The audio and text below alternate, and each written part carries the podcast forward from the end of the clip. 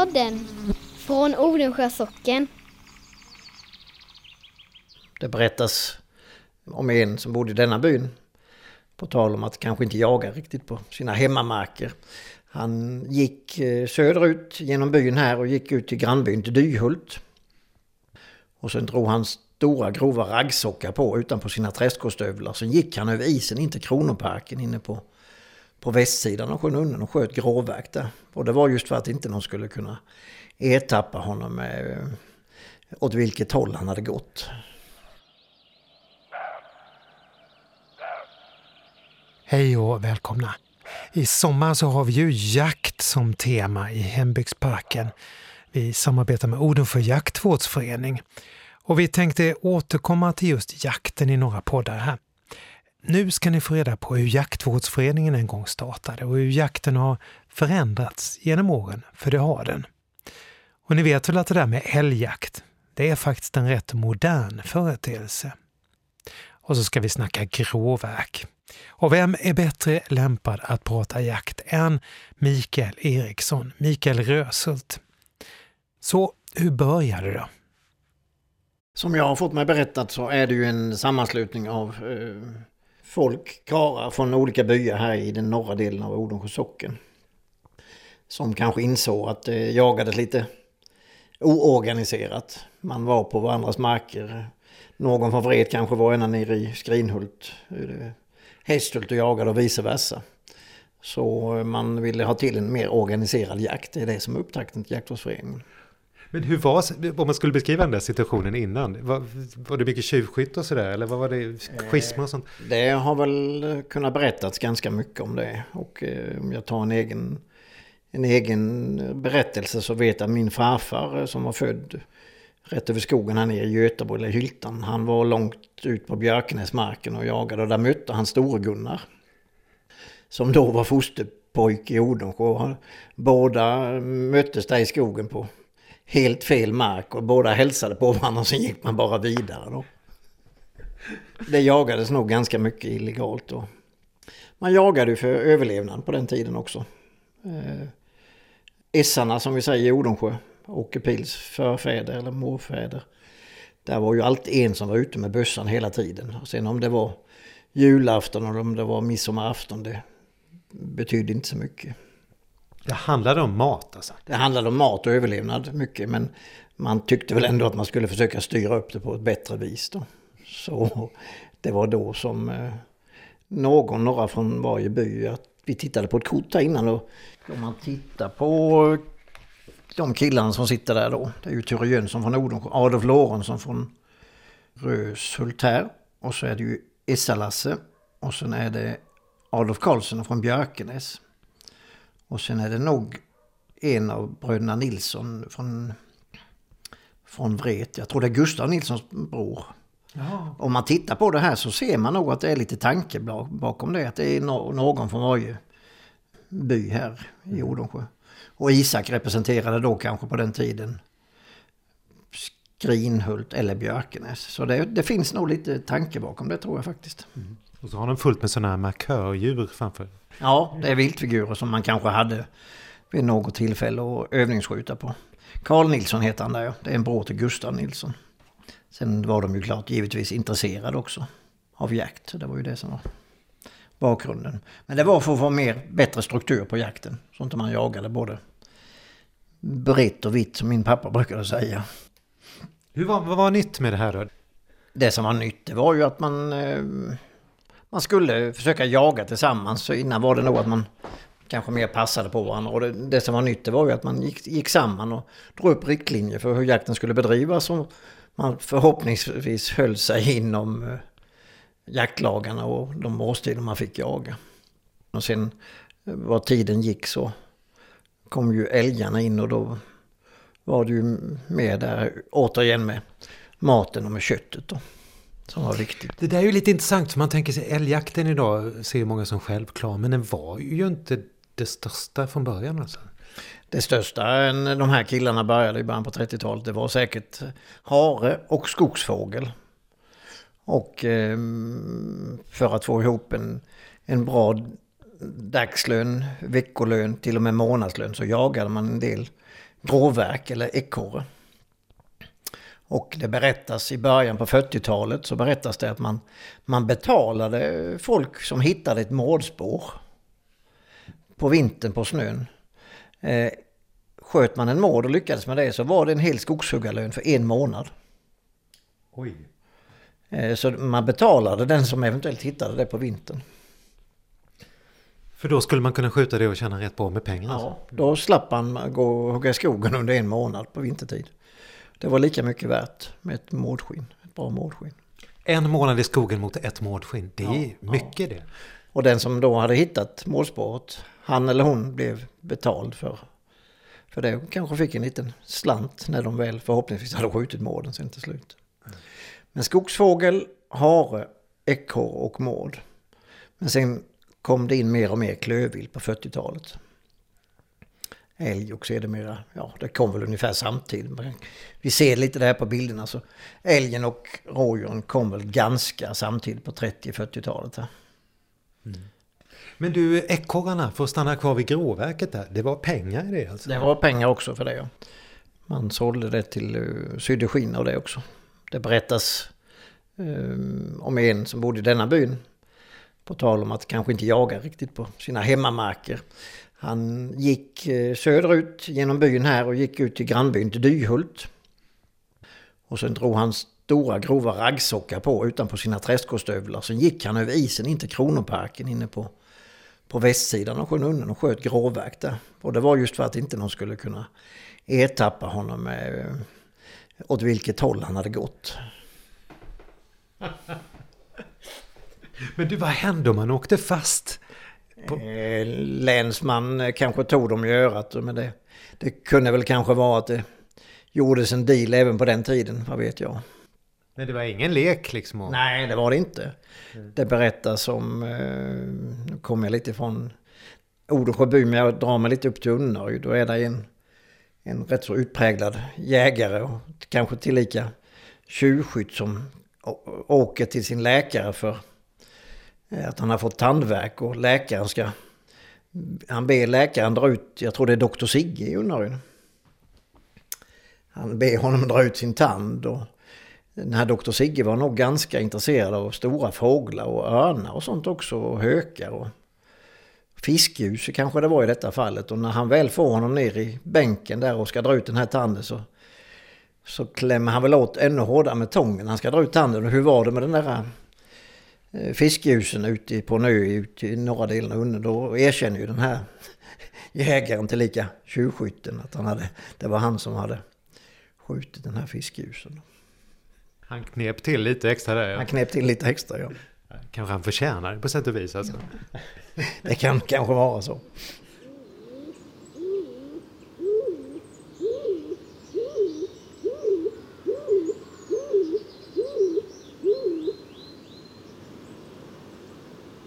Men du, på 40-talet hände någonting då. Vad, vad är det som händer egentligen? På 40-talet hände det att eh, både rådjur och älg kommer in mer och mer i markerna. Varför gör de det? Eh, min teori är kanske att man blir lite mer eh, återhållsam i början när de väl eh, eh, etablerar sig. Och sen tror jag att det bedrivs en ganska hård rovdjursjakt på räv och sånt och då klarar sig i alla fall rådjuren betydligt bättre. Skogsbruket kanske ändrar sig även på 40-talet. Eh, det huggs mer och då blir det mer mat till djuren. På den tiden så använder man sig mer av blädningsskogsbruk. Man blädar uppifrån och det innebär att man tar de stora träden. Men då blir det ljusluckor i skogen och det kanske blir både ny skog och även vissa öppna ytor runt de här gamla torpen som finns ute i markerna. För att klövdjuren lever framförallt på, på sly och på, på, på sådana saker. Och slyer på, på, på gräsvall. Ja. Men du, älgjakten. På de här tidiga bilderna som vi tittar på så är det ju mycket rådjur man ser liksom. Eh, Bland annat från 1935 finns ju en fantastisk bild här. Men då är det ju rådjur de står och håller i nävarna. Alltså. Ja. Eh, Det kom igång på 30-40-talet med rådjuren. Och till skillnad från att bära hem en hare som väger kanske 2-3 kilo så bär man hem ett rådjur som väger eh, 15-20 kilo så det är ju den stora vinsten är ju köttet där klart. Det är mycket jobb också. Ja, jo, mycket jobb. Men det är ju, då kan man dela ett rådjur kanske på några stycken. Och en hare den smiter man nog hem med själv tror jag. Och en tjädertupp också kan jag tänka mig. Men de här första bilderna man ser från älgjakterna. Eh, vi betraktar ju älgjakten som något sånt här som har funnits alltid. Men, men det är det ju inte riktigt. Alltså, hur ser älgjakten ut i början egentligen? Älgjakten till en början men som jag har fått mig berättat. Eh, det är ju mycket, tre, för, för det första så jagar man under tre dagar. Och det är ju andra, tredje veckan i oktober. Och då jagar man tre, tre dagar. Från morgon till kväll. Men älgjakten som jag har fått mig berättat här i Odensjö det är ju mycket att man sitter. Man blir tilldelad ett pass och sitter ute från morgon till kväll. Så man bedriver inte någon fysisk jakt, man driver inte utan man sitter och vakar. Och man kanske har hittat ett bra pass ute i en, ja, i en mosse eller så. Och Då sitter man där från morgon till kväll. Så det är nog inte förrän på 60-talet, 50, slutet på 50, början på 60 man börjar uh, jaga med drevjakt. Och det innebär att man ställer upp en drevkedja från förslagsvis kanske ner från Önne här och driver upp till Röshult. Och sen har man utställda passkyttar då. Och driver älgarna fram till, till passkyttarna. Det är mycket så som älgjakten ser ut idag. Eh, ganska mycket som älgjakten ser ut idag men sen har vi här i Odensjö en ganska lång tradition. Och han som var inspirationskälla till det var ju Åke Pile, Åke Johansson. Han var den första som var hundförare här och skaffade sig egna gråhundar och då är vi tillbaks i början på 70, ja, början på 70-talet. Det fanns en hund längre tillbaks också som skulle också skulle vara en älghund men som innehar, ja, det var någon som mm, den bodde hos men jaktvårdsföreningen hade köpt den tillsammans men det var väl inte någon stjärna heller. Men när väl Åke eh, började jaga med sina älghundar då, då kom älgjakten med hund igång ordentligt här i Odensjö. Och han hade två, tre riktigt duktiga hundar och sen hade fyllt på under årens lopp. Min bror Lars har haft ganska duktiga hundar och, och eh, nu på slutet har även Marcus Jönsson, Erik Jönssons barnbarn blir det ju. Han som även sköt den första älgen. Har älghund och Sven Nilsson i Ringagården. Så vi brukar jaga älg de första dagarna med drevkedja men sen så fyller man på mer och mer med hund. De som är lite svalare på jakt är inte med med några dagar och då är det mycket folk och då är det lättare att bedriva jakt med drevkedja. Men vad tiden går under första veckan och även på efterjakter då jagar vi alltid med hund för då är det mindre folk och då får hundarna träda fram mer.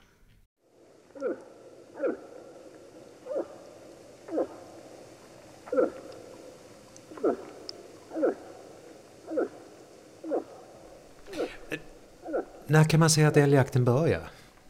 Om man tittar i denna boken som vi har framför oss här så börjar ju avskjutningen öka i slutet på 50 början på 60-talet. Och eh, det är jag nog ganska säker på, då börjar mer trakthyggesbruket. Man hugger större rutor i skogen och så planterar, börjar man plantera. Och genom det så med granen så kommer även lövslyet och björken och då växer det och då ökar älgstammen och älgjakten tillsammans där. Så det är det moderna skogsbruket som liksom föder älgjakten egentligen? Det kan man säga. Det är min, det är min känsla att det har varit så.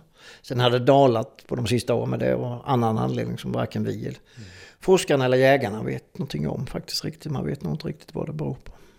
I Odensjö jaktvårdsförenings protokollbok här som börjar 1943 här. Den är bakdaterad här som ja, jag förstår det. För ja. den kommer till 58 men, men då, då kan man se att det, det, är ju bara en älg per år ungefär. Så inte ens det i vissa år. Eh, det är så de första åren. Och den första älgen skjuts 1943. Vid Ringagårdskilla och det är Erik Jönsson som skjuter den. Första älgen i Odensjö jaktvårdsförenings historia gemensamt då. Så det tar tio år innan den första älgen skjuts alltså? Ja, det tar tio år. Och sen hoppar det över? Den hoppar över något år. Och då är det ju så att eh, om vi tittar på det lite här i början så skjuts det en kviga första året, sen skjuts det en ko. Och ska man ha upp och, Tre år senare. tre år senare, ska man ha upp och igång en älgstam eller vilken viltstam man än vill eller djurstam så ska man vara försiktig med att skjuta hondjur. Och det är ju det man kanske då har gjort de första åren här. Sen syns det att det har skjutits två tjurar 47 här, Ture Jönsson och Gunnar Johansson. Men det tar en stund att bygga upp det här. Sen blev det ett rätt stort hopp när vi kom in på 50-talet. Då skjuts det en, två, tre, 20, tre älgar. Alltså det, 1950 en älg, 1952 tre djur skjuts det här och 1954, vi hoppar över ett år till alltså. Då det inte skjuts någonting så är det tre djur till då. Sen som jag berättade om innan, det är mycket som ska klaffa med jakt. Eh, och är det bara tre dagars jakt så är det mycket som ska falla på rätt plats för att man ska ha tur och skjuta någon älg också. Det är väl därför då. Det har kanske funnits älg de andra åren men det har varit stolpe ut på nutida språk kanske. Men när man ser gamla bilder på, på när, när en älg har blivit skjuten så är det ju väldigt högtidliga bilder. Det kanske man kan förstå när man ser det här. Dels att det är ett, eh, ett djur som är på uppgång då under 40 och 50-talet. Så det är ju stora folkvandringar till där älgen har skjutits och där den slaktas upp. Folkvandring? Ja, det, det berättas att eh, bland annat vi hade en bild på Adolf Andersson innan han hade ju en lastbil så han åkte runt i byarna innan den hängdes upp eh, för slakt. Så man åkte runt i byarna för att visa upp den i nämnda byar. eh, Löckna och Vret och innan man åkte med den till slakteriet i Odensjö. Så när en älg sköts så åkte man ut och visade upp den? Ja, det kanske var väldigt speciellt för att Adolf hade skjutit den själv och han hade lastbil. Men det, det berättas om det. Ja. Hur var det nu med den där älgen som Adolf sköt?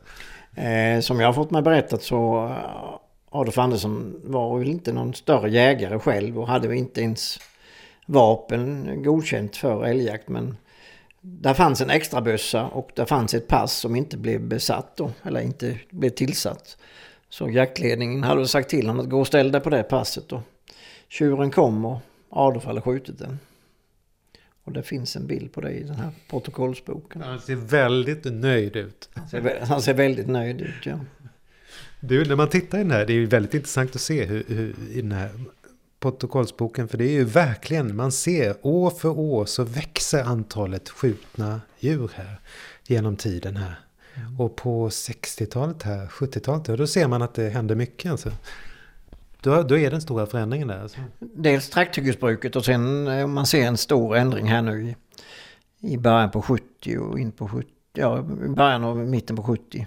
Så ökar det hela tiden. Och jag tror att 1969 så hade vi en, en storm på hösten och då blåste det ner ganska mycket skog. Och då blev det ju mycket nya öppna ytor och nya hygge som jag säger. Och mycket lövsly som började växa upp. Så där är ju en bom också. Trakthyggesbruket började i början på 60-talet. Ökar sen efter stormen 69. Så när vi är inne på 70 här så skjuts ju 7-8 älgar om året. Ganska frekvent.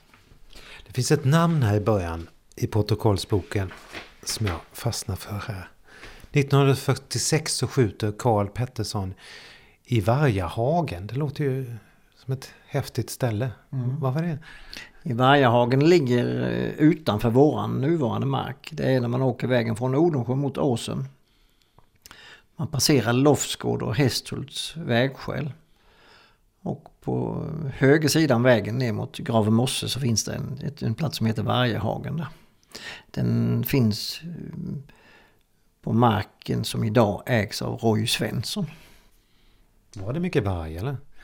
Jag kan inte den historiken. Men det, det bör ha varit, varit och det som är lite speciellt just med det namnet där Ola, det är ju att det stavas Vargahag med W. Det känns riktigt uråldrigt. Ja, det gör det verkligen. Det gör det verkligen. Du, det finns en bild som dyker upp ofta när man tittar på jaktbilder från Odensjö. Varför, varför dyker just den här bilden upp? Det är en man som ser väldigt bister ut och så jaktlaget bakom, taget på natten. Det finns ett antal av de här bilderna som dyker upp på olika ställen. Kan, kan du den historien eller vad var det som hände? Eh, Den älgen som finns där på bild, eh, det är en udda tolvtaggare. Udda tolvtaggare. Ja, Där är nog bara fem på ena sidan. Men är det sex på ena sidan så säger man att det är en, en tolvtaggare och i detta fallet är den udda då. Fem på ena sidan, sju på andra då? Ja, eller sex och fem kan det vara också. Sex och fem. Man tar den högsta siffran gånger två. Men sen kan det vara att det är avslaget och kanske det bara är fyra. Men då säger man udda tolvtaggar. Eh, de killarna som sitter där, det, han, han heter Nils Persson, bodde på Bolmsö. Kallas för Svartenisse och så är det Kurt Pettersson från Löckna. Eh, den, den skjuts här ute i Röshult ut mot Fåranapsviken eller Fiskeviken som vi allmänt kallar det för. Men det heter Fåranapsviken enligt kartan. Och de skjuter båda två på den här tjuren. Och det blev väl aldrig utrett vem som egentligen är den, eh, den ja, skytten som fäller älgen. För det finns en grundregel när man jagar kula. Att det första dödande skottet. Men jag tror aldrig de kunde utreda det. Och som jag har fått mig berättat så bodde Svartenisse på Bolmsö. Han var inte från trakten här men var mycket under slutet på 40 och början på 50 och drog mycket sten här i trakterna och särskilt här i Odensjö. Och genom det så var han med och jagade älg här. Det är alltid han som står längst fram på de här bilderna tycker jag. Ja, det kan vara så. Och det kan vara han som tycker att han var den skytten som fällde älgen. Men de i samförstånd, Kurt och Nisse, lät koka upp det här hornet och det finns ju som trofé. Ja, då? Jag tror att det finns i Löckna fortfarande på Ann-Charlotte Petterssons eh, fastighet. Ann-Charlotte Pettersson är dotter till Kurt i Löckna som vi säger. Mm. Sedermera också, som jag pratade om, Skräddans i Löckna, det är det stället. Eh, men de var ändå i samförstånd så hornet vandrade nog, de hade nog det vartannat år. Nisse hade nog det ett år på Bomsö, sen hade Kurt i Löckna. Men de sista åren, och jag tror det är så att det finns faktiskt kvar i Löckna. Så de försökte lösa det här i evighet genom att låta ja. det byta plats hela tiden? Ja. Och denna tjuren är då hornmässigt den största tjuren som är skjuten i Odensjö jaktvårdsförening. Mm.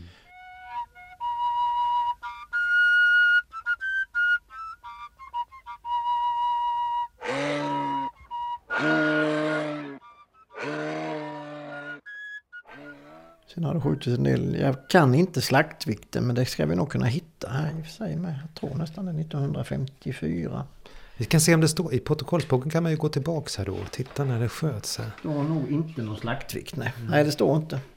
Tjur 12 taggar, Röshult ja. Och då står det som skytt? Nils P och Kurt Pettersson.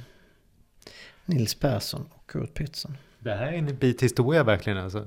Det är ganska, en ganska stor kulturskatt får man nog kalla det för. Och det skottet där är fortfarande en olöst fråga med andra ord. Ja, de sköt, jag tror de sköt fyra eller fem skott på dem. De satt väl jämte varandra i mossen ut mot Farnapsviken. Mm.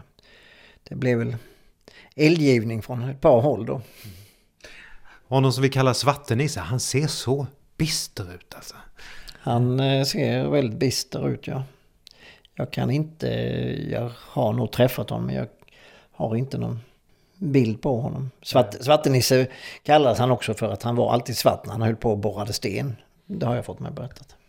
Av dammet då som kom Av dammet från stenarna ja. Det är därför han kallas för Svartenisse. Och så med kompressorn och sånt så blev det väl... De borrade sten innan de sköt. Det var inte hans arga ögon där? Nej, det tror jag inte. Det tror jag inte. Nej, okay. Och sen växer älgjakten till sig och, och har stabiliserat sig nu då eller vad kan man säga? Älgjakten har ju bra ordning och duktiga jaktledare. Vi har tre killar nu idag som heter Andreas Ekstrand, Mikael Gunnarsson och Marcus Jönsson som är jätteduktiga som jaktledare. Och eh, det jag kan märka, jag var med första gången 1977 och jagade, är att det har blivit mycket mer struktur och mycket bättre säkerhet och det vill jag nog påstå att det kommer från när jägarexamen kom in 1983-84. Hur, hur, var det innan dess? Var lite... Det var väl lite mer...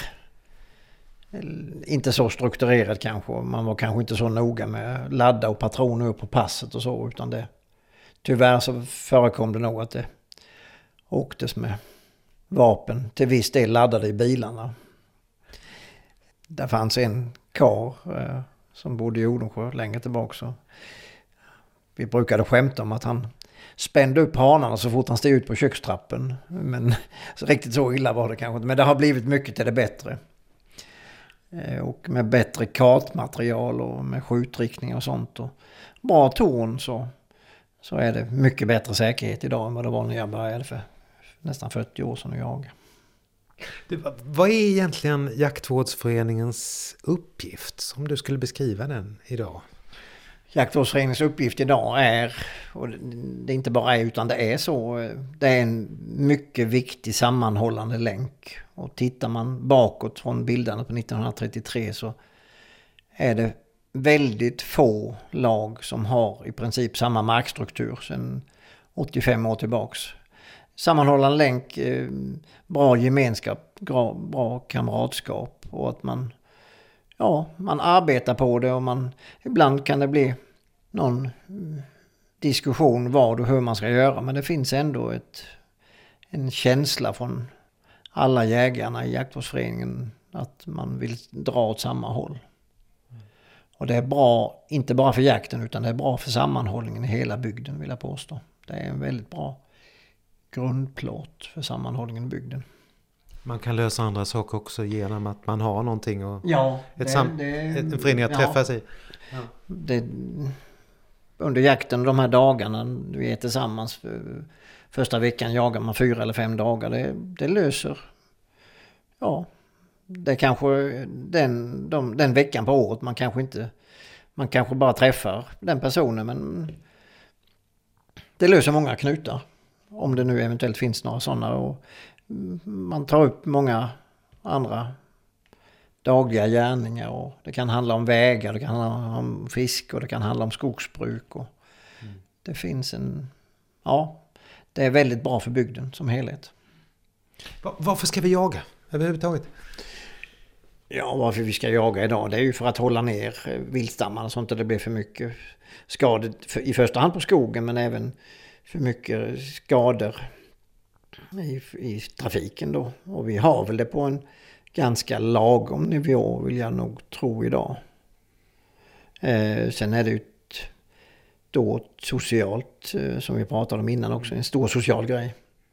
Och sen blir det ju lite kött också. Eh, för en del kan det vara mer viktigt och en del mindre viktigt. Så det har gått från att vara liksom livsuppehälle till att vara liksom någonting som mer handlar om säkerhet och skador på skog och, och ett socialt ja, liv. Ja, alltså. ja det, det vill jag påstå. Alltså, idag har ju jakt också blivit en marknadsvara på många håll i Sverige. Liksom. Man säljer jakt därför det, det är populärt att jaga. Fint att jaga liksom. Mm. Vad, vad, tänker du om det? Jag tänker att eh, alla som är intresserade av jakt ska ska kunna få tillgång till det och det finns ganska mycket tillgång till jakt.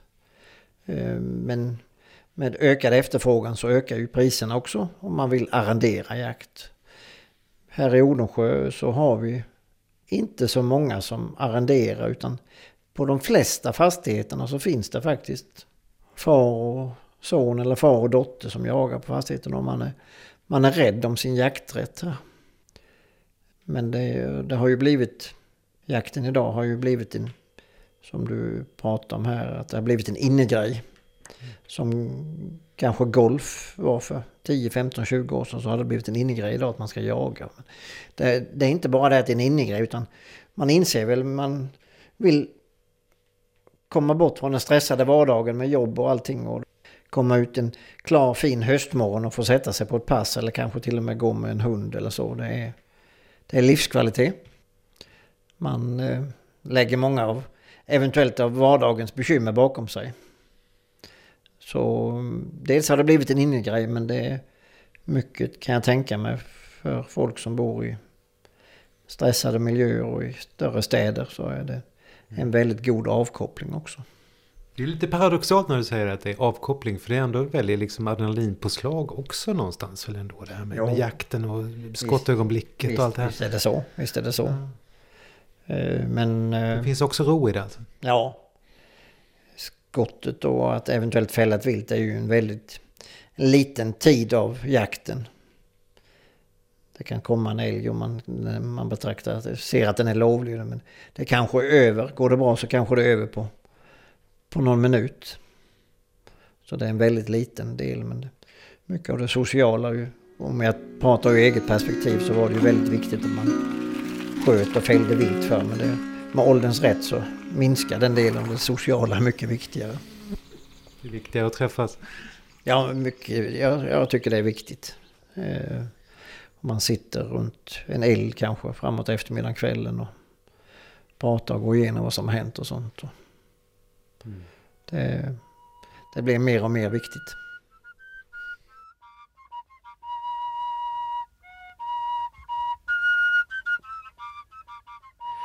Det var Mikael Rösut som berättade om hur jakten förändrats genom åren. Och I nästa jaktpodd så ger vi oss ut i skogen på en resa mellan olika jaktpass som många av oss aldrig får se på riktigt. Häng med oss då!